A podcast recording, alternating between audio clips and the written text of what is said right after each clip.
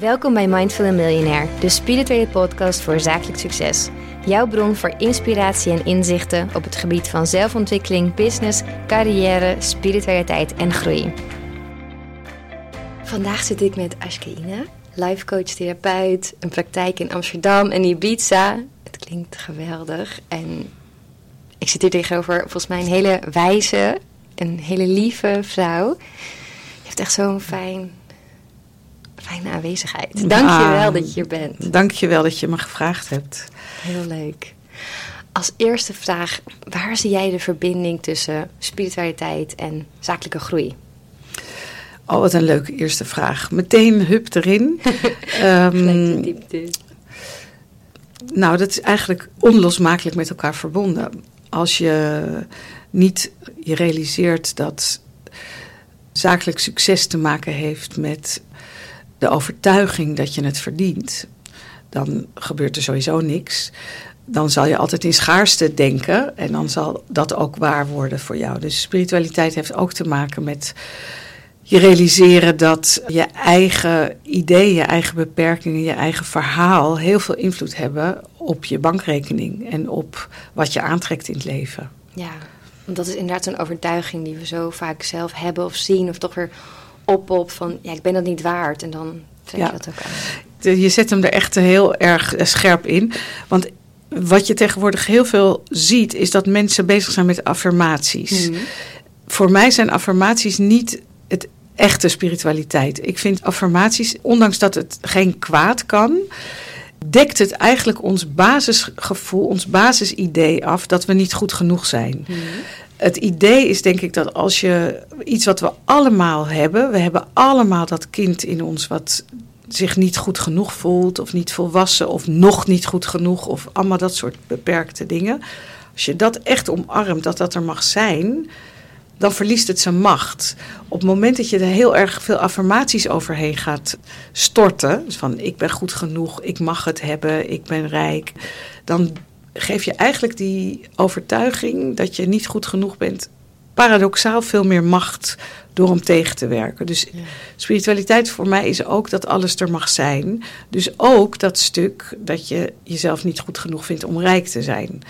Op het moment dat je dat ziet en daar eigenlijk gaat omarmen en liefdevol naar gaat kijken, dan verliest het ook zijn kracht over jou. Kan je, kan je daar wat mee? Of is het, hebben we te weinig opgebouwd nu? Nee, ik vind het heel mooi dat je het noemt. Ik heb ook daar onderzoek naar gedaan voor een boek. Want affirmaties, dat hoor je natuurlijk altijd. En het mhm. lijkt ook heel simpel om mee te beginnen. Maar het lukte mij ook nooit. Ik dacht, ja, ik geloof niet in. Toen heb ik er allemaal onderzoek over gelezen. En het, het gek is, het kan dus ook wel kwaad. Als je er niet in gelooft, als het zo ver van je afstaat... dan werkt het juist averechts. En volgens mij ligt de key juist in tegen jezelf praten op een manier waar je wel in gelooft en waar je wel achter staat. En niet zo van, oh, ik ben rijk, terwijl je dat niet bent. Ja, dan denk je alleen maar aan het tekort dat je nu hebt. Ja, het, het is een heel subtiel uh, ding, want het gaat eigenlijk over de volgorde. De volgorde is dat we allemaal een vorm van zelfafwijzing ervaren. De mensen die zeggen, nee hoor, dat heb ik niet, die kunnen het gewoon niet voelen. Maar we hebben allemaal een vorm van zelfafwijzing. We zijn allemaal bang dat we niet goed genoeg zijn of dat we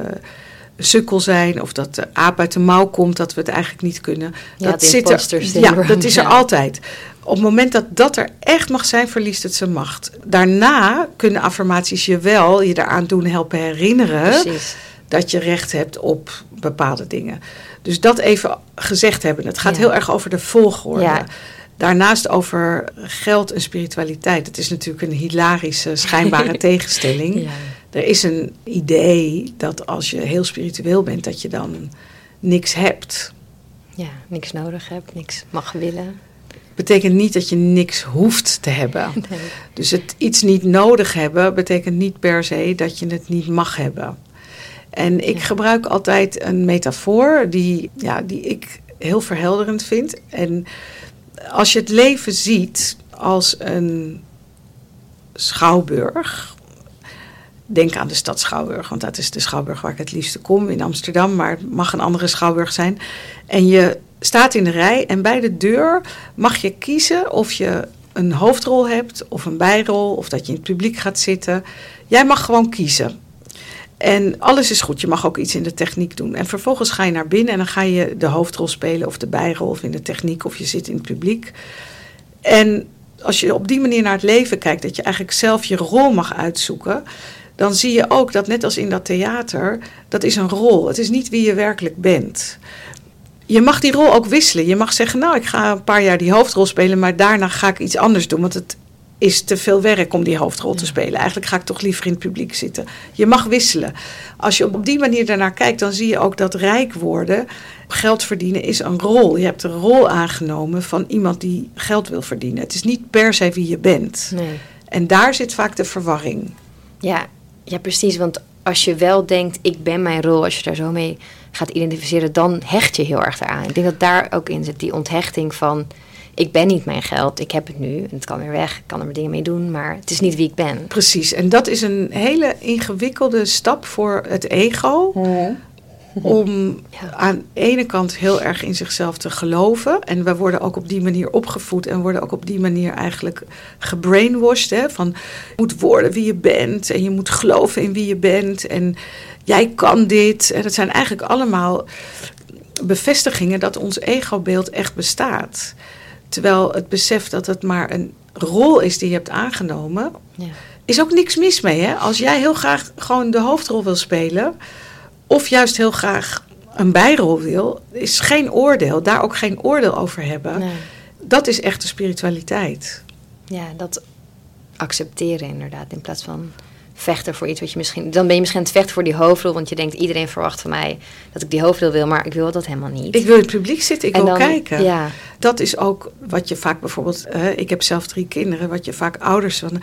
Nee hoor, het maakt helemaal niet uit dat Jantje glazenwasser wil worden. Als hij maar de beste glazenwasser wordt van de wereld. Uh, ook dat is eigenlijk weer het bevestigen van dat je ego-laag heel belangrijk is. Want niet iedereen heeft die behoefte om de beste te zijn. Niet iedereen heeft de behoefte om. Vaak projecteren we dat ook op een ander. Ja, dat is het ook, dat projectie. Ja, ja. heel herkenbaar. En, dat moet, en dan moet je ook heel erg bij jezelf leren, denk ik inderdaad. Van ik wil dit, maar dat hoeft een ander niet. En andersom werkt het dus ook. Ja, en het probleem met geld is dat we daar allerlei waardeoordelen aan hebben. Dus als je veel geld hebt, ben je succesvol. Als je veel geld hebt, ben je goed ergens in of ben je slim of allemaal dat dingen. En dan zie je ook dat we andersom ook geïrriteerd raken als mensen die niet aan die voorwaarden voldoen, dus die niet zo slim zijn of die niet iets waardevols doen, toch heel veel geld hebben verdiend, dan worden we ook boos. Dan zeggen we, ja, ze heeft het geld verdiend met een paar pornotapes of ze heeft dat geld verdiend met een paar, of hij heeft dat. Dat vinden we eigenlijk ook niet oké, als je heel veel geld verdient met iets wat in onze ogen niet waardevol genoeg is. Dat is ook heel interessant. We vinden eigenlijk ook dat als je dan veel geld verdient, ja, dan moet je ook iets heel moois of goeds of belangrijks hebben gedaan. Maar geld is natuurlijk helemaal niks. Geld is een idee. Ja, en terwijl, dat is ook wel grappig, want iets moois doen, dat vinden we dan wel een kunstenaar of zo. Maar als je het met een goed doel of dat je bij een goed doel werkt, dan mag je weer niet veel verdienen. Of als je net spiritueel bent, dan mag je weer niet veel mee verdienen. Dat vinden we dan ook niet kunnen of zo. We hebben er heel veel ideeën Zoveel oordelen over. op geld. Ja, heel veel oordelen. En het grappige is dat we ook heel veel oordelen hebben over als je dat geld hebt, hoe je dat dan laat zien. En ja, er is eigenlijk heel weinig gevoel voor humor. Hè? Het is eigenlijk mm. allemaal heel serieus geworden. Van, we vinden iemand heel snel een patser omdat hij een dure auto heeft. Geld, ja. ja. En ik denk dat het veel interessanter is om te kijken naar waarom heeft diegene een hele grote auto gekocht? Is dat omdat hij dat nou altijd al wilde en het gewoon lachen vindt om in zo'n patserbak te rijden? Of is het iemand die zichzelf nu echt heel wat vindt omdat hij die patserbak kan kopen? Ja. Dat is natuurlijk de nuance ja. Eh, die interessant is. Ja, heel herkenbaar. Ik heb dat ook met inderdaad oud geldvrienden. En dan vind het ook maar raar dat ik er zo over praat. Dan denk ik, ja, ik ben daar gewoon trots op. Ik heb er hard voor gewerkt. Ik wil mensen inspireren, maar die snappen dat ook niet. Nee, maar dat is echt etiket. Je praat niet over geld. Hè? Dat is, eh, je zegt ook geen toilet, je zegt wc. Mijn oma zei altijd, als iemand zei ik ga naar de toilet, dan zei mijn oma altijd, nou, we weten waar je heen gaat en we weten ook waar je vandaan komt. Wat natuurlijk helemaal niet chic is om te zeggen. Maar dus dat zijn dingen, daar kan je niet aan morrelen, denk ik. Nee. nee. Maar het is wel leuk, hè, wat je zegt, die oordelen hebben we allemaal is jouw eigen rol veranderd als je kijkt in die schouwburg? Hoe zie jij je rol nu? Wat is de rol die je nu wilt hebben? Nou, mijn dagelijkse werk is om iedere keer afstand te nemen van mijn ego die heel graag belangrijk gevonden wil worden. Hmm. En dat belangrijk gevonden worden zit dan weer vast aan liefgevonden, er mogen zijn, iets bijdragen. En het is heel subtiel, want ik kan bijvoorbeeld sessies hebben. Ik heb zeg maar ongeveer vijf sessies per dag. En bij mij duurt een sessie meestal anderhalf uur. Er zitten sessies bij dat ik heel erg echt, echt iets heb kunnen betekenen voor iemand. En dat ik echt iemands leven een, in mijn ogen een positieve wending heb kunnen geven. En dat diepe geluk, dat diepe, zachte gevoel van joy, wat ik daaruit haal, als ik dat voel, dan denk ik, ja, dit is echt geluk. Dat staat boven alles. Dat is zo, dat is zo herkenbaar waar het om draait. Ja, dat is divine. Daar staat tegenover dat ik ook heel erg blij ben dat ik net een paar nieuwe Balenciaga sneakers heb gekocht. Ja, waar ik weer van weet dat een ander gezin daar misschien wel een maand boodschappen van doet. Ja. Maar het is een ander soort geluk. En ik denk dat, even naar die rol in de Schouwburg, dat zijn twee rollen. Het ene is misschien wel de rol van schoonmaakster. Niemand ziet dat ik de hele nacht heb staan stofzuigen. Niemand ziet dat de Schouwburg schoon is. Want iedereen neemt dat voor lief. Hè. Dat is misschien dat consult waarin ik iemand totaal onzichtbaar een heel leven heb kunnen, een goede wending aan heb kunnen geven. En die andere rol is inderdaad de rol van de dronken minnares op het toneel. Die met mijn Balenciaga schoenen, die heel veel aandacht heeft gekregen. Dus ik denk dat ik wel meerdere rollen heb uitgezocht. I'm greedy. Ja, maar dat is ook mooi. Dat is ook... Ze geven me een ander gevoel van vervulling. Ja, en het een hoeft het ander niet uit te sluiten. Nee. Dus juist denk ik fijn, net als dat we niet in één hokje willen worden geplaatst. Ja, maar ik heb daar wel moeite mee gehad in mijn leven. Ik heb een, niet iedereen heeft een grote polariteit. Hè? Dus als ik naar mezelf kijk, ik kan in mijn joggingbroek op de bank hangen en ook nog in die joggingbroek gewoon keihard naar een restaurant gaan en zonder make-up. En dan maakt het me ook echt niet uit hoe ik eruit zie, maar ik kan ook op hoge hakken in een weet je, in een hele andere outfit. Ik heb heel, heel erg die uiterste. Niet iedereen heeft dat. Ik heb heel lang gehad, maar wie ben ik dan echt? Ben ik mhm. dan die vrouw in de joggingbroek? Of ben ik die vrouw op die hoge hakken? ik, ik heb er lang over gedaan om beide eigenlijk, dat er allebei mag zijn. Ja. Dat je niet per se één iemand bent. Nee, maar dat, is, dat willen we toch. Ik herken dat zo erg. Ik heb het ook heel lang gehad. Dan eerst helemaal in die fashionwereld. En Fashion Week gepresenteerd en alles, dan ben je echt dat. En dan dat spirituele, denk ik van ja, dan mag ik niet die rokjes weer aan en die hakjes. Dan moet ik in dat soort kleren of zo. Dan denk je, wie ben ik nou echt? Kan ik niet gewoon één iemand kiezen? Ja, je bent, dus, je bent het dus allemaal. ja. Je bent het echt allemaal. En hoe flexibeler je daarin bent, hoe meer afstand je kan nemen van dat ego-verhaal. Want het is natuurlijk een verhaal. Wie je bent, is een verhaal. Ja. En als je daar afstand van kan nemen en liefdevol naar kan kijken van... ach schat, heb je het nu nodig om de intelligente therapeuten zijn prima. Ga je gang, geef niks, mag best. Doe maar even heel intelligent. Maar als ik dan gewoon weet dat dat even, ja, dat ik dat blijkbaar nodig heb om dat dan te zijn, maar dat ik iets veel groters ben. Ik zeg altijd: durf niemand te zijn en dan ben je alles. Ja, dat vind ik een hele mooie. Want dat niets en dat alles ligt eigenlijk heel dicht bij elkaar. En dan kan je ook pas echt contact maken met anderen. Zolang je in die ego-laag, in die ego-verhaal blijft hangen, kan je eigenlijk geen contact maken. Nee, nee, klopt. Het is ook stom dat we, ik, ik denk dan van ja, dan ben ik dit, dan dat, dan dat, alsof je je aanpast. Maar ja, je bent gewoon jezelf. Maar het voelt alsof ik me steeds in een ander hokje. Maar dat je bent het eigenlijk allemaal niet. Precies. En je bent het allemaal wel. Ja, ja.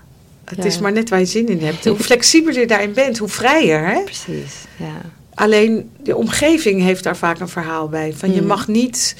Nou, dat weet ik een leuk voorbeeld. Toen ik er zelf intrapte. Ik was een tijdje in, woonde ik in Los Angeles, omdat ik daar allerlei cursussen deed. En een van de cursussen was een meditatiecursus. En ik moest dan in levende lijven me inschrijven. Dat kon niet online. En dan moest ik betalen en kennis maken. En er zat een meisje achter de balie. Die had nou, werkelijk alles aan haar was nep. De borsten, de lippen, de wenkbrauwen, de wimpers, de nagels. Er was niets aan die vrouw waar niet aangeweest was. Extensions in haar haar en ze was bloedmooi. En mijn eerste gedachte was: dit is de winkeljuffrouw. Ja. Dus ik betaalde en ik schreef me in en ik vulde al die formulieren. En toen zei ik, goh, wie geeft eigenlijk die meditatieles? En toen zei ze, I will. It's my meditation course. Maar dan met zo'n Amerikaans accent. En dat ik me realiseerde dat ik niet had verwacht dat iemand met zoveel opsmuk een meditatiecursus kon doen. Ik had haar dus onmiddellijk eigenlijk een IQ toegekend, wat niet paste bij de functie. En toen dacht ik, ja, dat is echt een oordeel dat in Amerika veel minder aan de hand is. Daar mag je veel, eigenlijk een veel groter spectrum, dat geile wijf zijn. Ja. En toch heel intelligent en iets heel spiritueels doen. Ja, dat is eigenlijk wel mooi dat het daar toch misschien al verder is in de zin van dat mag gewoon allemaal naast elkaar Mag bestaan. allemaal naast elkaar bestaan. Je kan Ja. een hele hysterisch rijke zakenvrouw zijn en toch heel spiritueel. Ja. En hier hebben we toch het idee dat je dan een lange jurk aan hebt en een ketting en dat je je haar niet verft en zeker geen botox gebruikt. Nee. En, eh, ja. Grappig hè? Mooi. Woon je daarom ook deels in de Ibiza? Voel je daar, Ehm, is dat anders dan hier? Mm, Nou, niet daarom, maar is het daar... Ik woon deels in Ibiza om meerdere redenen. Een van die redenen is dat mijn grootouders daar een huis hebben gebouwd in 1960. Dus ik ben daar echt voor een heel groot gedeelte opgegroeid. Oh, mijn moeder kreeg mij toen ze 16 was. Dus ik ben bij mijn grootouders thuis opgevoed. Ja. Dus het is letterlijk mijn tweede huis. En ik voel me daar veel meer een, ja, een wild woman. Weet je, ik, Ja. ik kijk soms echt drie, vier dagen niet in de spiegel. Ik ga iedere dag paardrijden. Er zijn wel eens dagen dat ik niet eens douche, moet ik je bekennen. ja. Gewoon omdat ik te. Ik verwilder daar echt. En dat vind ik dan even heel prettig. En dan heb ik opeens weer een enorm verlangen naar civilization en bakstenen en de geur van asfalt en uitlaatgassen. En dat, ja, dat is die polariteit in mijn karakter. Ik heb heel lang gedacht van waar wil ik wonen? Wil ik in Amsterdam? Wil ik op Ibiza? En een jaar of acht geleden, negen geleden, toen dacht ik, weet je, ik hoef helemaal niet te kiezen. Nee. Ik ben rijk genoeg om niet te hoeven kiezen. En dat is vrijheid. En ik ben het allebei. Ik ben dat city girl. Ik heb ook twee garderobes. Het zijn kleding die ik eigenlijk nooit meeneem naar Ibiza. En er is Ja. iets wat ik nooit meeneem naar Amsterdam. Wat mooi. Ja, ik weet nog, ik fietste bij jou weg en zei ik ook tegen mijn vriend. Ik heb de oplossing gevonden voor, want ik heb ook dat Ja. probleem van, ik, wil, ik weet niet waar ik wil wonen. Ik zo, we kopen gewoon een huis op Ibiza en we kopen een huis in Amsterdam. Nou ja, weet je, het is, je kan het ook huren. Hè? Ja. Het is namelijk, dat is wel ook heel leuk over geld. Want dat is natuurlijk jouw insteek. Is, er zijn heel veel dingen. Ik kan me bijvoorbeeld het huis wat ik nu heb op Ibiza niet permitteren. Dat huur ik. Ja. Dat huur ik al 25 jaar. Toen ik het huurde, dacht ik dat ik het kon kopen. Ondertussen, is een lang verhaal. Dus je kan ook met minder geld toch je dromen waarmaken. Mhm. Dus het huis wat ik heb in Amsterdam, daar zou ik ook best een huis voor op Ibiza kunnen kopen. Maar het is, je kan soms ook goochelen. Hè? Dus daar komt die spiritualiteit wel bij kijken. Is dat je denkt van nou, is er een andere weg die mij kan bieden wat ik wil, Ja. zonder al te veel geld. Het is niet zo dat je per se altijd bakken met geld nodig hebt. Het wordt namelijk ook heel vaak gebruikt als ja, eigenlijk een soort saboterend idee. Hè? Ja, als ik geld zou hebben, dan. ja. Dus iedereen die luistert, zou ik heel Mm. graag willen uitnodigen om gedachte-experiment te doen van wat zou je doen als je morgen niet één, niet twee, niet drie, niet tien, maar gewoon 100 miljoen euro op de bank zou hebben. Dat het echt, nou, dat krijg je echt niet op. Wat zou je dan eigenlijk veranderen aan je leven? Heel veel mensen zouden niet zoveel veranderen. Nee, Terwijl klopt. ze denken, Je denkt als, dan. Ja. Terwijl...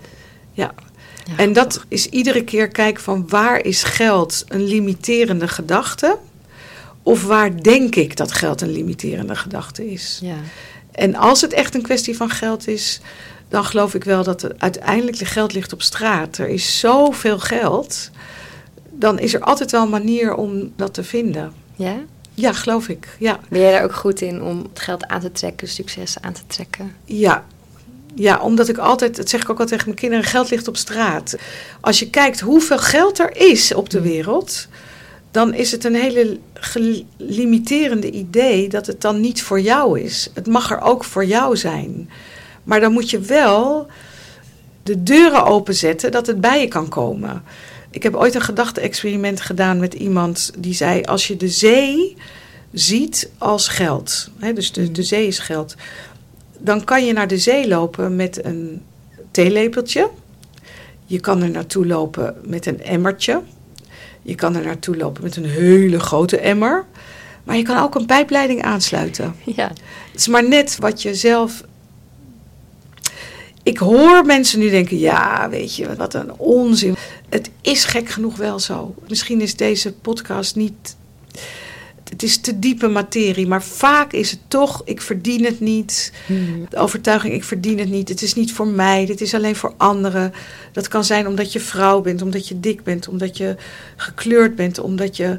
Dat onderzoeken, wat is de overtuiging dat ik denk dat ik dit niet verdien? Ik ben te dom, niet hoog opgeleid onderzoek die overtuiging. Want er zijn altijd voorbeelden te vinden die het tegendeel bewijzen. Ik ken heel veel niet opgeleide mensen die ontzettend veel geld hebben. Ja. Ik ken ook heel veel heel hoog opgeleide mensen die geen geld hebben. Enzovoort, enzovoort. Ja. Ja, het is zo mooi. Overtuigingen zijn echt inderdaad belangrijker dan we zelf doorhebben. Omdat je ze niet ziet, zolang... Ja. Ja. Ja. Hoe is dat bij jou gegaan? Heb je altijd al de overtuiging van ik ben een money magneet? Of hoe is dat veranderd? Is dat beter geworden, anders geworden? Ik ben opgevoed met. Er werd bij ons echt nooit over geld gepraat. Het was not dan om te laten zien dat er geld was. Maar ja, als je in 1960 al zelf een huis kan laten bouwen op Ibiza, dan ben je op zijn minst gezegd ruimdenkend. Maar dat had ik niet door, want dat was gewoon zo. Hè? Dus je hebt als kind ook niet in de gaten dat het zo is. Dus ik heb eigenlijk geen gevoel gehad over geld ooit. Wij woonden naast het Scheepvaartmuseum, in, eh, dat wat nu eh, sportschool is, in de Leressenstraat in Amsterdam. En daar stond iedere zaterdagochtend een rij voor dat Scheepvaartmuseum. En mijn grootouders waren oogarts. En die hadden een koffieapparaat in de wachtkamer. En toen had ik al, toen ik zes, zeven was in de gaten, als ik nou gratis koffie jat uit de wachtkamer, dan ging ik, ik was een vrij mollige peuter, hobbelde ik die straat uit om voor een kwartje die koffie te verkopen aan die mensen in de rij. Slim. Dus het is ook iets wat in je zit. Ja. Niet iedereen. Ik ben Armeens. De Armenen staan er bekend omdat ze houden van geld verdienen. Dus dat is ook denk ik in je karakter. Niet iedereen heeft daar iets mee. En niet iedereen wordt er gelukkig van. Ik vind geld verdienen heel erg leuk. Ja. Ik zie ook altijd een businessmodel in alles. Sommige mensen hebben daar wat minder mee. Dus daar begint het mee. En die overtuigingen, dat heb ik geleerd eigenlijk omdat ik een eetstoornis ontwikkelde op mijn zeventiende al. En daarvoor, nou, iedereen heb opgezocht om me daarvan af te helpen. En toen kwam ik uit, en dat is al heel lang geleden, dat was in 19, nou, 1982, bij een boekje van Louise Hay, Je kunt je leven helen. En zij heeft me eigenlijk geïntroduceerd wat een overtuiging is. Ja. Ja, en op een gegeven moment ga je steeds meer lezen. En dan kom je uit bij allerlei grote denkers. En, eh, en dan ga je ook steeds meer zien hoe waar het is. Ja. En hoe beperkend je overtuigingen zijn. En hoe je, hoe je jezelf moet blijven trainen om te kijken... wat is mijn overtuiging? Want ik heb ze natuurlijk nog steeds. Ja, dat is het. We denken vaak, oh, nu hebben we die hobbel, maar het komt, het sneakt weer terug. Het, het komt toch weer eh, naar boven, hè? Ja. Nou, je, pas als je verlicht bent en geen oordeel meer hebt... waarvan ik wantrouw iedereen die zegt dat hij verlicht is. dat, het kan namelijk denk ik niet. Ja, het zit natuurlijk in de menselijke geest om te willen oordelen vanuit een gevoel van het brein wil het snappen. Het brein Hmm. wil een oordeel. Het brein wil een oordeel, want dan kan hij zich daaraan vasthouden. Ja. Ja, ik, daarom zat ik te denken dat ik heb ook een eetstoornis gehad. En ik voel echt dat ik er helemaal overheen ben. Maar toch weet je, ja, dat zijn toch wel die overtuigingen die ik niet moet denken van...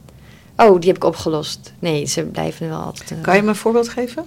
Ja, bij mij was het dan bulimia, dus met eten en te veel eten. En nu, ik, ik heb echt therapie gehad en het gaat echt goed. Maar toch denk ik soms wel van, oh, ik ben niet bang dat ik terugval. Maar ik weet wel dat ik die overtuiging op eten en te veel eten of niet willen eten waar anderen bij zijn of zo. Dat ik die wel in de gaten moet houden, dat het niet weer terug, toch stiekem terugsneakt. Het begint denk ik bij het zinnetje. Daar moeten we gewoon een, een andere podcast over doen. Want ik kan daar. Het begint eigenlijk bij het zinnetje. Het gaat nu wel goed. Ja, Eigenlijk is dat dan een oordeel, hè? ja het gaat. Ja, het Dat er goed en Ja, slecht precies, is. Eigenlijk is er gewoon geen goed en Nee. slecht. Het is. Hmm. En wat is je streven? Is dat je geen oordeel meer hebt over wat je eet. Want dan ben je vrij. Ja, En dat kan pas als er geen goed en geen slecht is. Ja.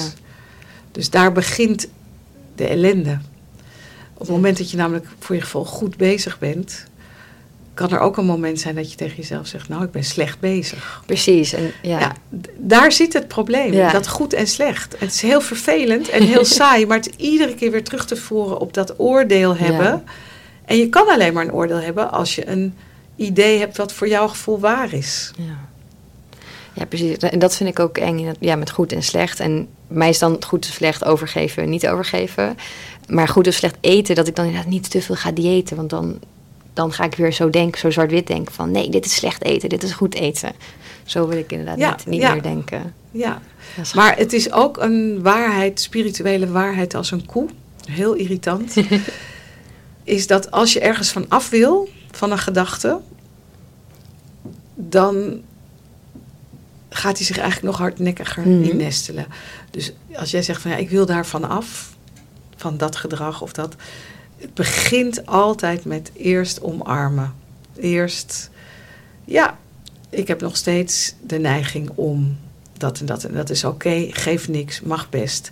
En vanuit die liefde, vanuit liefdevol ernaar kijken, ja. Geef je het ruimte en dan pas kan het zijn kracht over jou verliezen. Ja.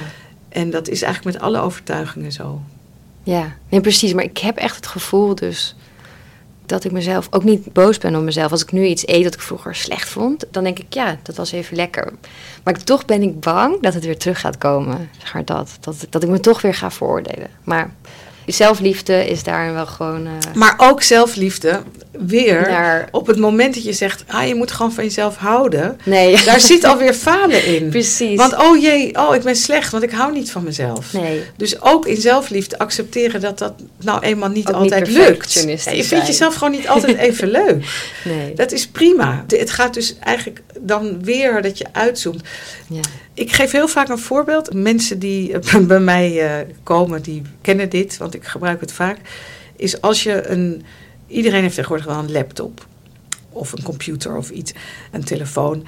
En alles kan die laptop eigenlijk beter. Namelijk een beter geheugen, hmm. beter zijn talen spreken. Eigenlijk kan die laptop zo langzamerhand alles beter dan oh. wij. Ja. Ze kunnen beter rekenen, beter onthouden. Alle talen spreekt de laptop. Maar is één ding wat die laptop niet kan, wat wij wel kunnen. Weet je dat? Emoties? Liefde? Nee, die, dat kunnen ze zelfs. Ze kunnen zelfs een. Robots kunnen zelfs emoties. ja, dat is waar. Ja. ja. Het is maar één ding. Die computer, die laptop, die weet niet van zichzelf dat die laptop is. Nee, zelfbewust zijn ja. eigenlijk. Dus dat bewustzijn is het enige verschil tussen ons en een laptop. Ja. Maar die laptop die hebben wij in ons hoofd. Dus als je je brein vergelijkt met die laptop, mhm. een hele oude laptop, want die kan dus niet al die talen en die kan dus niet zo goed onthouden. en, hè, dus een beetje out-of-date laptop. En je vergelijkt je brein met die laptop, dan zie je dat het verschil tussen je brein en wie je werkelijk bent, is dat jij weet dat je dat bent. Ja. En dat dat weet dat jij dat bent, dat dat weet dat je geen Italiaans spreekt, maar wel Spaans. Dat wat weet dat je wel op je cv hebt ingevuld dat je vloeiend in Engels bent, maar dat het eigenlijk niet zo is. Dat is wie je werkelijk bent. Ja. In die laptop, in dat brein, zitten allerlei software, net als in je eigen laptop. Maar sommige software, dat zijn die overtuigingen bijvoorbeeld, mm. die zijn verouderd. Maar je kan dat software er niet meer afhalen. En soms plopt het gewoon opeens op opeens heb je Excel. Nou, je wil helemaal niet Excel, maar dat is op een of andere manier. En dat programma gaat opeens draaien. En dat wil je helemaal niet, maar het zit er gewoon nog in. En als je op die manier naar je brein en je overtuigingen en dat soort angsten van, oh misschien val ik terug. En misschien start die oude software wel op, waarin ik hmm. wel weer ga overgeven. Of waarin ik wel weer denk dat ik geen recht heb op dit salaris, omdat ik eigenlijk niks kan. Of dat het slecht is dat ik opeens ontzettende winst maak met uh, nagelknipschaartjes. I don't care. Dat die overtuiging opeens dat die software weer oppopt, is niet wie jij werkelijk bent. Dat is gewoon oude software, wat je gewoon weer weg moet klikken. Ja. Omdat je er niks meer aan hebt. En als je op die manier eigenlijk uit kan zoomen en niet versmelt met die oude programma's die weer opkomen, die oude software die je niet meer wil, of waar je niks meer aan hebt, wat nergens meer toe dient, dan kan je ook makkelijker eigenlijk gaan begrijpen wat is nou spiritualiteit. Want wat is die opposite of spiritualiteit, is dat je dus versmelt eigenlijk met die Hmm. computer. Dat je denkt dat je dat bent. Ja. Dat ben jij niet. Dat is een stuk gereedschap. En de een heeft een wat efficiëntere laptop dan de ander. Maar dat stuk wat zich realiseert dat je dat niet bent, daarin zijn we allemaal gelijk. Ja, ik vind het wel een mooi beeld. Ook inderdaad van met zo'n pop-up, wat je zegt van er komt weer een oud software. Dat is wel van, oké, je leest het wel even, je geeft het wel even aandacht, maar denk nee, ik heb het niet nodig, tik weg. Dat. Zo moeten we eigenlijk naar onze overtuigingen Precies, kijken. ja, precies dat. En iedere keer als je helemaal wel erin gaat, hè, wat we soms ook hebben met Mhm. onze computer, dan opeens Ja. zit je in zo'n rabbit je hole, weer, eh, dat je dan ergens die bewustzijn, ja, dat dat op een gegeven moment weer aanschiet. Dat je denkt, hé, hey, dit ben ik niet. Ik zit weer in een oud verhaal over... Ja. Ik heb het zelf het ergste gevoel toen ik ging scheiden. Ik ben bijna 30 jaar getrouwd geweest. En mijn grootste pijn was dat ik een enorm idee had over gescheiden vrouw zijn. Mm. In mijn computer was dat als het ware opgeslagen als in mijn verhaal, hè, in mijn laptop. Was daar een programma Gescheiden vrouwen zijn een beetje zielig, mislukt, sneu, Oh, ja. afgedankt, ze tellen niet meer mee, gefaald. Allemaal dat soort overtuigingen had ik erover. En Ja. toen ik dat ging denken, maar dat ben ik allemaal helemaal niet. Dat zijn mijn ideeën Ja. over gescheiden zijn. Dan kan je dus ook liefdevol naar kijken en denken van ja, weet je schat, het is een oude software. Dat is helemaal niet meer hoe het is. Laat maar gaan. Misschien zijn dat wel zo het software van je ouders. Mhm. Of van de ouders daarvoor. Of van je cultuur. Ja. Of van je gender. Hè? ja, maar die liggen toch opgeslagen inderdaad. Ja, en die komen af en toe boek. Ja, ik heb bijvoorbeeld ook dat. Ik heb een hekel aan alcohol. Maar op een of andere manier heb ik nog steeds die software. Dat een dronken man vind ik wel grappig. Maar een dronken vrouw vind ik echt vreselijk. oh, ja. Dat is een overtuiging die nergens op slaat. Maar ergens is dat gewoon opgeslagen in mijn software. ja. Snap je? Dat is wel grappig als je daarnaar gaat kijken. Als je dat kan zien. Maar daarvoor moet je inderdaad boven die laptop uitstijgen en daarop neerkijken, boven onszelf. Ja, en dat is spiritualiteit. Dat Ja. je die bewustzijn, dat je weet en dat je ook weet dat die bewustzijn, dat kan je bewustzijn noemen, je kan het liefde noemen, je kan het de Boeddha-natuur noemen, je kan het God noemen, je kan het universum noemen. I don't care wat voor woord je Mm. daar aan wil geven waar je comfortabel bij voelt. En daarin zijn we allemaal gelijk. En daar zit die verbinding. Ja. En daarin zit dat ook, dat we, wij zijn echt één. En dan kom je uit bij ja, non-dualisme. Ik weet niet in hoeverre Mhm. je daarmee bekend bent. Ja. Weet je wat non-dualisme nou, ja. hè, dus non-dualisme is het idee dat we niet afgescheiden zijn. Dat dat ook een idee van onze laptop is. Dat jij jij bent en ik Ja. ik. Dat is weer een hele stap verder. Maar het, het besef dat je dus niet je eigen software bent... is al denk ik een hele leuke inzicht. Ja. En dan zie je dus ook dat in die software vaak zit al opgeslagen van... ik ben niet gemaakt om rijk te worden. Oh ja, dat is ook zo Of mooi. eh, ik ben met mijn intelligentie of met mijn opleiding of met mijn gender of met mijn kleur... is dat niet voor mij weggelegd.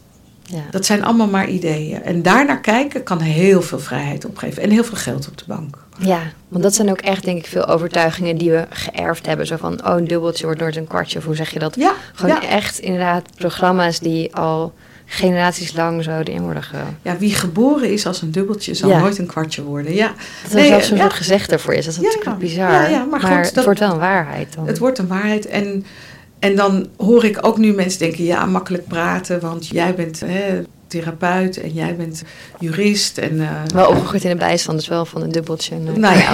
Nee, maar goed. Maar nee, ja, mensen- maar mensen, want, want het is dan Ja. vaak ook de weerstand hè, waar, je op Absoluut. uit, waar je op stuit. Van, je hebt makkelijk praten. ja. Jij bent wit. Jij bent knap. Jij bent whatever. En ook dat is zo leuk, omdat er zit natuurlijk altijd wel een worteltje van waarheid. Mhm. Ehm, en het brein grijpt dat kleine worteltje om het waar te laten zijn. Maar niks is in die end helemaal waar. Nee, en het kan echt inderdaad wel moeilijker zijn. Want er zijn gewoon, heel veel mensen hebben wel die software. Dus die gaan zich daar natuurlijk wel naar gedragen. Dat Precies. is wel. Maar je moet je vooral zelf inderdaad denken, ja, Fuck jullie, ik ga het laten zien. Ik zeg altijd aan iedere waarheid valt te morrelen. Mhm. En je iedere keer weer afvragen. Ik weet niet of je Byron Katie kent, Ja. maar die is ook hè, van is het waar? Ja, is Eh, eh, is het echt waar? Ik geniet daar zelf heel erg van om iedere keer als ik bij mezelf aanloop op een overtuiging, denk is dit echt waar? Het kan ook zijn dat iemand heel duidelijk laat merken dat hij mij niet aardig vindt. mhm. Dat ik dan de overtuiging heb, nou diegene die trekt mij niet. Zelfs daar kan je bij vragen, is dat waar? Ja, Of maak ik iets wakker in die ander wat die ander in zichzelf niet leuk vindt? Of dat het te confronterend is? Of weet je, is het waar dat diegene mij niet leuk Mhm. vindt? ja, of trigger jij iets in die ander Ja. wat die van zichzelf niet leuk Als vindt? ik iemand niet leuk vind, Ja. dan is ook altijd het eerste wat ik aan mezelf vraag: oké, wat gebeurt er nu? Mhm. Wat raakt die ander in jou dat je een oordeel hebt? Ja, En heeft me zoveel ruimte en vrijheid en liefde gegeven. ja. Want er zit altijd iets inderdaad niet bij die ander, maar bij mijzelf, wat ik zelf moet Altijd. aankijken. Ja. En dan met geld is dat ook, om weer terug te keren Ja. naar dat, ja, wat de portemonnee en wat diegene met zijn portemonnee doet, met jou doet, de reactie die jij daarop hebt, zegt uiteindelijk alleen maar iets over jezelf. En heel vaak is het jaloezie, angst, Ja. benijden, een gevoel van tekortschieten dat jij dat niet kan. Een oordeel hebben van ja, ik vind het gewoon belachelijk zo'n tas of zulke schoenen. Ja, ik merk dat ik wel eens denk van wat verdrietig dat diegene zoveel accessoires nodig heeft om zich goed te voelen. Mhm. Dat kan ik soms heel verdrietig vinden. Dat diegene helemaal zich behangen heeft met Chanel tassen en Louis Vuitton sjaals. Maar goed, ik herken het wel. Ik heb zelf ook echt, ik vind het ook leuk als er ergens een merkje aan zit. I have to admit. Ja. En dus ja, het is iedere keer een fine line. Want waarom is het dan minder erg als je één Louis Vuitton tasje hebt of een hele grote? Het is precies hetzelfde. Maar in mijn hoofd is, nou, enzovoort. Ja. Ik vind dit het leven heel leuk maken. Ja. ja, steeds weer dat ook op jezelf vertrekken van... hé, hey, waarom vind ik dit nou wel en dit niet? Wat zit er Ja, waarom heb ik hier een oordeel over? Ja. Ja. Wat voor tips zou je geven aan mensen die nu luisteren en die denken... ja, ik wil ook die pijplijn naar die zee vol geld liggen, maar ik zie het niet. Hoe begin ik? Ja, nou, dat is een hele leuke vraag. Begin natuurlijk bij, mag je het van jezelf? Mag je het hebben? En dan zeggen mensen, ja, dat heb ik wil, maar ik weet gewoon niet hoe. Is inderdaad je afvragen, wat zou ik nu gaan doen als ik dat waarvan ik denk dat het niet lukt... Dus ik zeg maar wat, je denkt dat het niet lukt omdat je die opleiding niet hebt. Als voorbeeld. Wat zou ik doen als ik morgen dat diploma in de bus kreeg voor die opleiding? Wat zou ik dan doen? Dus dat je kijkt wat jouw actie zou zijn als dat waarvan je denkt dat het je hindernis is, of je belemmering, dat dat er even tijdelijk niet zou zijn. En dan moet je niet denken, ja, maar dat is nou eenmaal niet zo, weet je, I'm not even going there. Nee, gewoon echt als gedachte-experiment. Het kost niks, het kost je een, een half uurtje van je tijd. Als gedachte-experiment, wat zou ik dan doen? En vaak loop je dan aan tegen je echte beperkte overtuiging. Dus niemand zit daarop te wachten. Dan komen er andere dingen. Ik zal je zelf een voorbeeld geven. Ik wilde heel graag een huis op Ibiza. En toen dacht ik, ja, maar dat kan ik niet betalen. En toen dacht ik, ja, maar wat nou als ik nou morgen wel dat geld zou hebben? Wat zou ik dan doen? En toen dacht ik, nou, dan zou ik die en die gaan bellen en zeggen of hij een huis voor me gaat zoeken. En toen dacht ik, nou, wat heb ik wel te besteden? Nou, dan ga ik gewoon diegene bellen. En dan ga ik zeggen: Goh, wil jij ook voor mij kijken als ik alleen maar dat bedrag te besteden heb? En zei hij: Nou, dat is grappig, want ik heb toevallig een huis te huur voor dat bedrag. Ja. Dus dat huur ik nog steeds, eh, twintig jaar later. Wat ik wil zeggen is, ik had diegene nooit durven bellen Hmm. als ik niet eerst dat gedachte-experiment had gedaan. Ja. Dit is een heel concreet voorbeeld. Wat heeft mijn huis op Ibiza opgeleverd? Een ander concreet voorbeeld is, ik ken iemand die heel graag voetbalcoach wou worden. Maar die had zelf nooit een voetbalcarrière gehad. Dus die had als beperkte overtuiging van nou, ik kan geen voetbalcoach worden, want ik kan zelf niet zo goed voetballen. Ja. En toen heb ik ook met zijn vrouw heb ik tegen haar gezegd van nou, stel je nou voor dat je topvoetballer was geweest. Wat had je dan gedaan? Ja, zegt ze, dan had ik die club gebeld. En had ik gezegd van hé, hey, uh, zeg bel die club gewoon Ja. en zeg precies hoe het zit. Ik kan zelf heb geen topcarrière gehad, maar ik wil ontzettend graag coachen. Nou, zij is zo gelukkig nu, want zij coacht zeg maar de jongeren. Haar skills liggen misschien niet 100% in de techniek van het voetballen, maar wel in allerlei andere skills die je nodig hebt, vooral als je jong bent. Ja. Ze is echt zo happy en is voetbalcoach. Ja, Niet de ja, klassieke voetbalcoach die ooit, nou, weet je, geen Johan Cruijff, maar hé. Hey. Nou, dus dat is dus de eerste stap. Want die voetbalcoach verdient daar dan ook nog eens echt, echt een goede boterham mee. Terwijl ze zelf nog nooit een professionele wedstrijd gespeeld heeft. Hè? Dat is grappig, hè? Ja. Dus kijk, wat is je beperkte idee over waarom je dat niet kan doen? Ja. En bedenk je wat je zou doen als dat er niet was. Ja, vind ik een heel mooi experiment. Want dan komen inderdaad ja, maar dan komt er steeds weer een nieuw excuus vaak bij. Ja. nee, ik kan niet. Ja, maar ik heb ook nog, eh, weet ik veel, kinderen of ik heb uh, nog een baan. Maar voor alles is wel een oplossing. Ja, ik heb ook bijvoorbeeld een cliënt die wil heel graag zijn eigen horecazaak beginnen. En die vindt de hele tijd dat hij daar nog niet klaar voor is. Oh, ja. Nou, en geld natuurlijk. Maar daar heb ik dit gedachte-experiment ook bij gedaan. En dan komt er eigenlijk uit dat er hele andere dingen spelen. Maar ja, die liggen wat dieper. En dan zie je dus dat dat wat je denkt, wat je tegenhoudt, heel vaak niet is wat je tegenhoudt. Nee. Ziet het vaak bij moeders ook, die zeggen: Ja, ik ga het pas doen als de kinderen groter zijn. Mhm. Nou, ja, heel veel, ja. Ja, maar dat is ook weer toch, ja, je hersenen, je ego, die willen gewoon het makkelijkst voor de hand liggende reden van het kan niet, want en dan pak je iets wat heel makkelijk is, maar er ligt zoveel nog meer onder. Maar daar moet je. Het ligt iets anders. Je ego wil niet de makkelijkste. Je ego is maar op één ding uit. Altijd. Is een leuke, leuke les. Ook met geld verdienen. Je ego is uit op dat jij niet voor gek staat. Hmm, Want dat, is voor je ego het ergste wat er is. Want dan bestaat hij niet meer. Want je ego is maar een beeld, het is een idee, het is niks. Het is een plaatje, het is een verhaal, het is een dia-projectie waar je eigenlijk zo met je hand doorheen kan. Hmm. Hè? Hoe heet dat nou? Tegenwoordig kan je dat ook hologram. zo... Ja, precies. Dat is je ego. Hè? Het is een hologram. Hè? Ja. En je ego wil natuurlijk wel er zijn. Hmm. Dus die mag niet voor gek staan. Dus hij zal altijd je waarschuwen voor het gevaar dat hij onderuit gaat. Ja. En dat is zijn taak. En dat gaat hij ook blijven doen. Dus vaak is lijden ook dat dat ego lijdt omdat hij bang is dat hij er niet meer is. En iedere keer als je blijft realiseren dat je dat niet bent, maar dat je dat dus bent wat zich daar bewust van is, dan kan je er wat makkelijker en liefdevoller en met wat meer, ja, ik noem het altijd giechelig, maar het is die zachte joy, met wat meer compassie naar kijken. Van, ach, gos, mijn ego is weer bang dat ik voor gek sta. Of, ik heb van de week heb ik in de gym heb ik sprongen gemaakt op de box, op zo'n jumpbox. En ik kan de laagste stand, ik kan de middelste stand en de hoogste stand vind ik heel eng. Maar ik kan het. Ik heb de kracht en de benen ervoor. Om het, maar mijn hoofd vindt dat eng. En mijn trainers die zeggen, schat, als je op die middelste stand, dan zit je er al 20 centimeter boven. Dus je kan die hoogste stand. Mijn hoofd wil het niet. Dus ik moet oefenen. Maar ik vind het een ontzettende afgang om te gaan oefenen als oude vrouw die per se op de hoogste jumpbox wil springen. Wat dus keer na keer na keer misgaat. Dus mijn ego zegt het, ja, stop er nou maar mee. Hoe belangrijk is dat nou dat je op die hoogste springt? Want al die jongens staan te kijken en ik ga echt ontzettend af en ik heb het idee dat ze me uitlachen. En, en dan zie ik van, ja, dit is mijn ego, die wil gewoon niet afgaan. Maar iets in mij, namelijk mijn joy, het kind in mij, wil gewoon op die hoogste stand springen. En als het dan op een gegeven moment lukt, dan ben je vrij. Niet omdat het gelukt is, maar omdat je hebt durven afgaan. Ja.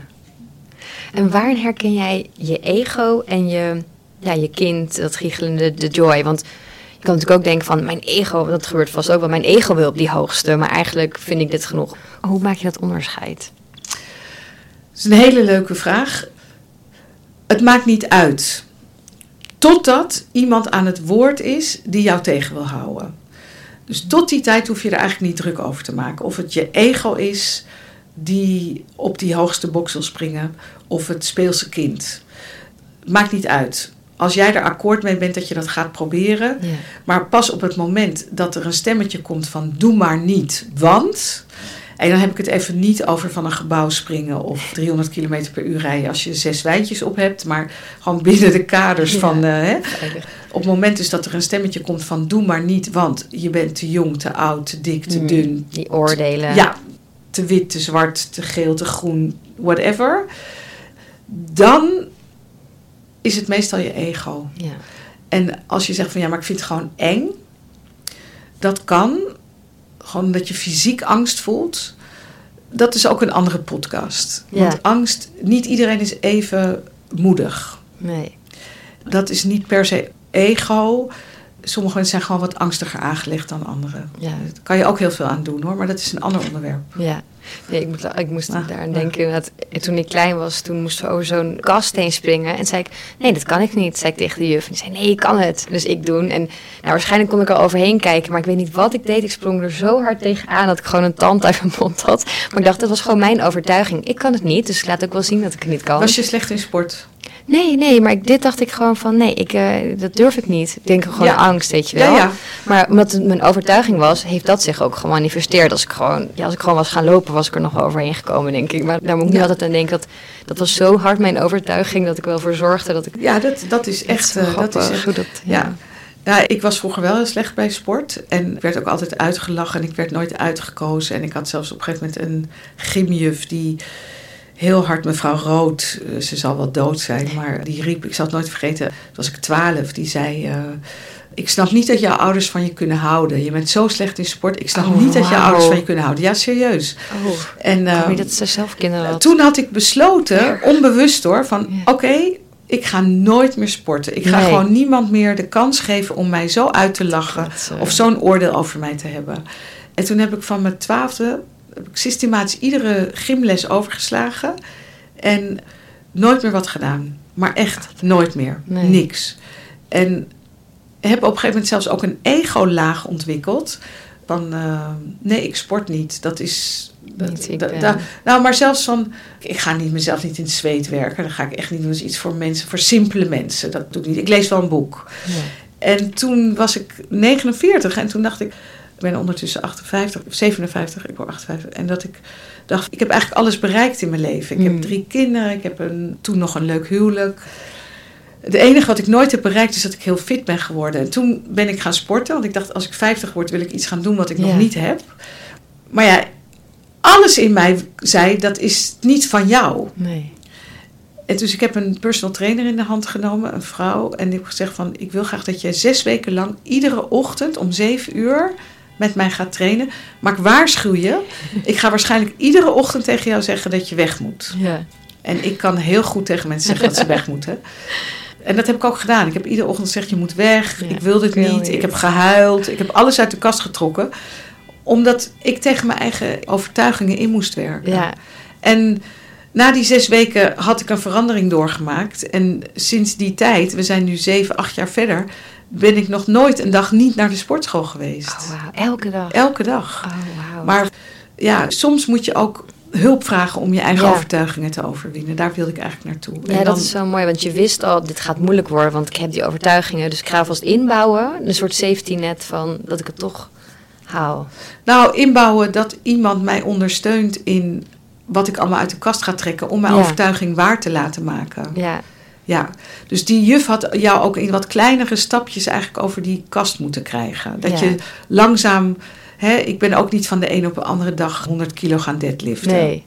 Nee, maar nu is voor mij altijd wel een goede reminder van, oh ja, waar ik in geloof, dat gebeurt ook. Dus het heeft mijn tand gekost, maar die Ja. groeide wel weer aan. Ja, ja, ja, ja, ja, ja. ja. Maar het is wel zo inderdaad niet te grote stapje. Maar dan zo opeens elke dag gaan sporten, vind ik dan wel... Ja, eh, omdat sporten is gewoon het fijnste wat er is. Alleen als je die overtuiging bij mij zo sterk dat het niet van mij is. Het was Ja. gewoon niet van mij.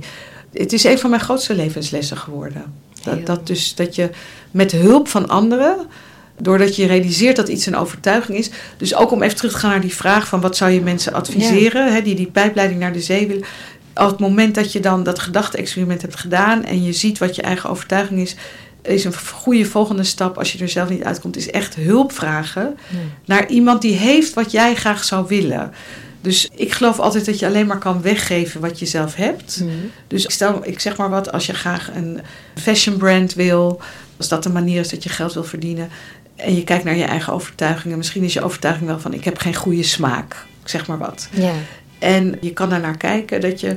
Ga maar kijken of je stage kan lopen bij eh, een ontwerper of een brand die je heel erg bewondert. ja. En klein beginnen. Ja, En dat vind ik ook een goede, dat klein beginnen inderdaad. Want vaak willen we zo'n grote shift in één keer. Maar dan gaat je ego gelijk, nee, als je gewoon klein... Dat, ja. Klein, niet te klein hè? Nee, nee, nee, nee. Wel iets doen. Ja, wel risico's nemen. Ja, niet dan als je in de fashion niet in een magazine gaan bladeren, dan wel stage gaan lopen inderdaad. Ja, stage lopen of echt gewoon iemand opbellen en zeggen: hé, hey, ik bewonder zo wat jij doet. Mag ik een paar dagen met je meelopen? Want vaak, weet je, iedereen herkent dat gevoel. Iedereen wil een ander graag helpen. Hmm. nou, niet iedereen. Veel mensen. Veel mensen, ja. En ja, ehm, ja dus, dus eigenlijk ook weer uitzoomen je bewustzijn dat je eigen software ingesteld is op beperkt denken, uitzoomen en gewoon nieuwe software installeren. Ja, ja. En die oude lezen wegklikken. Ja. ja. En in mijn geval, omdat sporten als vergelijking nemen, mhm. mijn nieuwe software is: ik ben Ashken en ik sport iedere dag. En heel af en toe komt die oude software van: ja, maar eigenlijk kan je het niet. Oh dat is ook heel hardnekkig. Eigenlijk kan je het niet. Terwijl ik vaak zwaarder til dan een man die de helft van mijn leeftijd is, sta ik gewoon zeker zoveel. en het is en een man en de helft van mijn leeftijd. Maar dan nog steeds is mijn oude software in staat om te zeggen: ja, maar eigenlijk kan je het niet. Terwijl ik het gewoon sta te bewijzen. Ja. Maar dat is hoe krachtig het kan zijn. Ja, het is gewoon letterlijk en alsnog inderdaad. Ja. ja. dus moet je nagaan bij dingen die je niet zo erg kan zien, hoe je daar. Die je niet kan meten, hè? Want zo'n zo'n gewicht kan je gewoon meten. Precies, staat er heel groot op, ook 10 kilo, 20 kilo. En dan nog is dat hoofd in staat om te zeggen: dit is niet echt. Of wat jij hebt met dat eten, misschien kan ik het morgen wel niet meer. Mm. Misschien is het morgen opeens weg. Ja. Misschien ga ik morgen opeens weer overgeven. Dat is ook die oude software. Ja. Dat is de angst van het ego van en dat mag. Ja, ook dan gewoon lief blijven. Ja. ja. ja. Dat is dat ego wat je probeert te beschermen voor teleurstelling. Van wees nou maar niet al te blij, want mhm. misschien is het morgen wel weg. Ja. Ja. Ja, je zo voorbereiden op het ergste of zo inderdaad. Ik merk het ook aan sommige cliënten van mij die echt heel veel bereikt hebben. Die zijn 20 kilo afgevallen en die hebben een sixpack. En die hebben dan wat ze in hun hoofd hadden. En dan gaan ze bijvoorbeeld op vakantie. En dan hebben ze op vakantie een beetje laten gaan. En dan zijn ze een pondje aangekomen. En dan komen ze helemaal in paniek naar me toe. En dan zeggen ze: Oh, wat erg, wat erg. En dan zeg ik: Nou, maar denk je nou echt dat ik niet af en toe het helemaal loslaat? Het is heel normaal om een beetje aan te komen en weer af te vallen. En ja, de ene keer ben je wat fitter in de sportschool dan de andere keer. En de ene keer ben je wat gemotiveerder dan de andere keer. Maar dan merk ik ook dat mensen van mij dan denken dat ik iedere dag even strak en even gemotiveerd. Nou, I tell you, de meeste dagen begint die chocola ook gewoon tegen mij te praten. En heb ik ook geen zin om weer naar die fucking sportschool te gaan. Maar ik doe het gewoon. Ja, maar dat is het ook. En dat denken we vaak van anderen. Dat, dat zat mezelf er ook bij. Oh, die vindt het vast niet moeilijk. Voor die is het heel makkelijk om wel te gaan sporten. En voor mij is het zo moeilijk. Maar nee, die andere heeft ook die struggles. Die hebben we allemaal. Die hebben we allemaal. Wat wel heel erg uitmaakt, is om met al je struggles, zeg maar. Mhm. En dan heb ik het niet zozeer over emotionele struggles, maar wel over de de doe-dingen, zeg maar, de dingen die je hebt voorgenomen, bijvoorbeeld niet drinken of wel naar de sportschool of nou, eh, niet overgeven of op tijd naar bed, om de boeddhisten noemen dat de monkey mind. De monkey mind is die stemmetjes in je hoofd die een hele discussie beginnen over een gedachte of een belofte die je aan jezelf hebt. Dus ik heb dan, ik ga trainen om acht uur s ochtends en dan begint om half acht begint de monkey mind. nou, het zou ook heel goed voor jou zijn om een rustdag te nemen het regent buiten. Het is misschien geen goede dag om naar de sportschool te gaan. Je volgende afspraak is al een kwart over negen. Dat ga je waarschijnlijk niet redden als je nu naar de sport. Nou, die monkey mind die verzint allerlei dingen waarom het beter is om niet naar de sportschool te mhm. gaan. Nou, ik heb geleerd om liefdevol naar die monkey mind te kijken. En zeggen van, nou jongens, tetteren jullie vooral even door. Ondertussen kleed ik me aan en uh, ga ik naar de sportschool.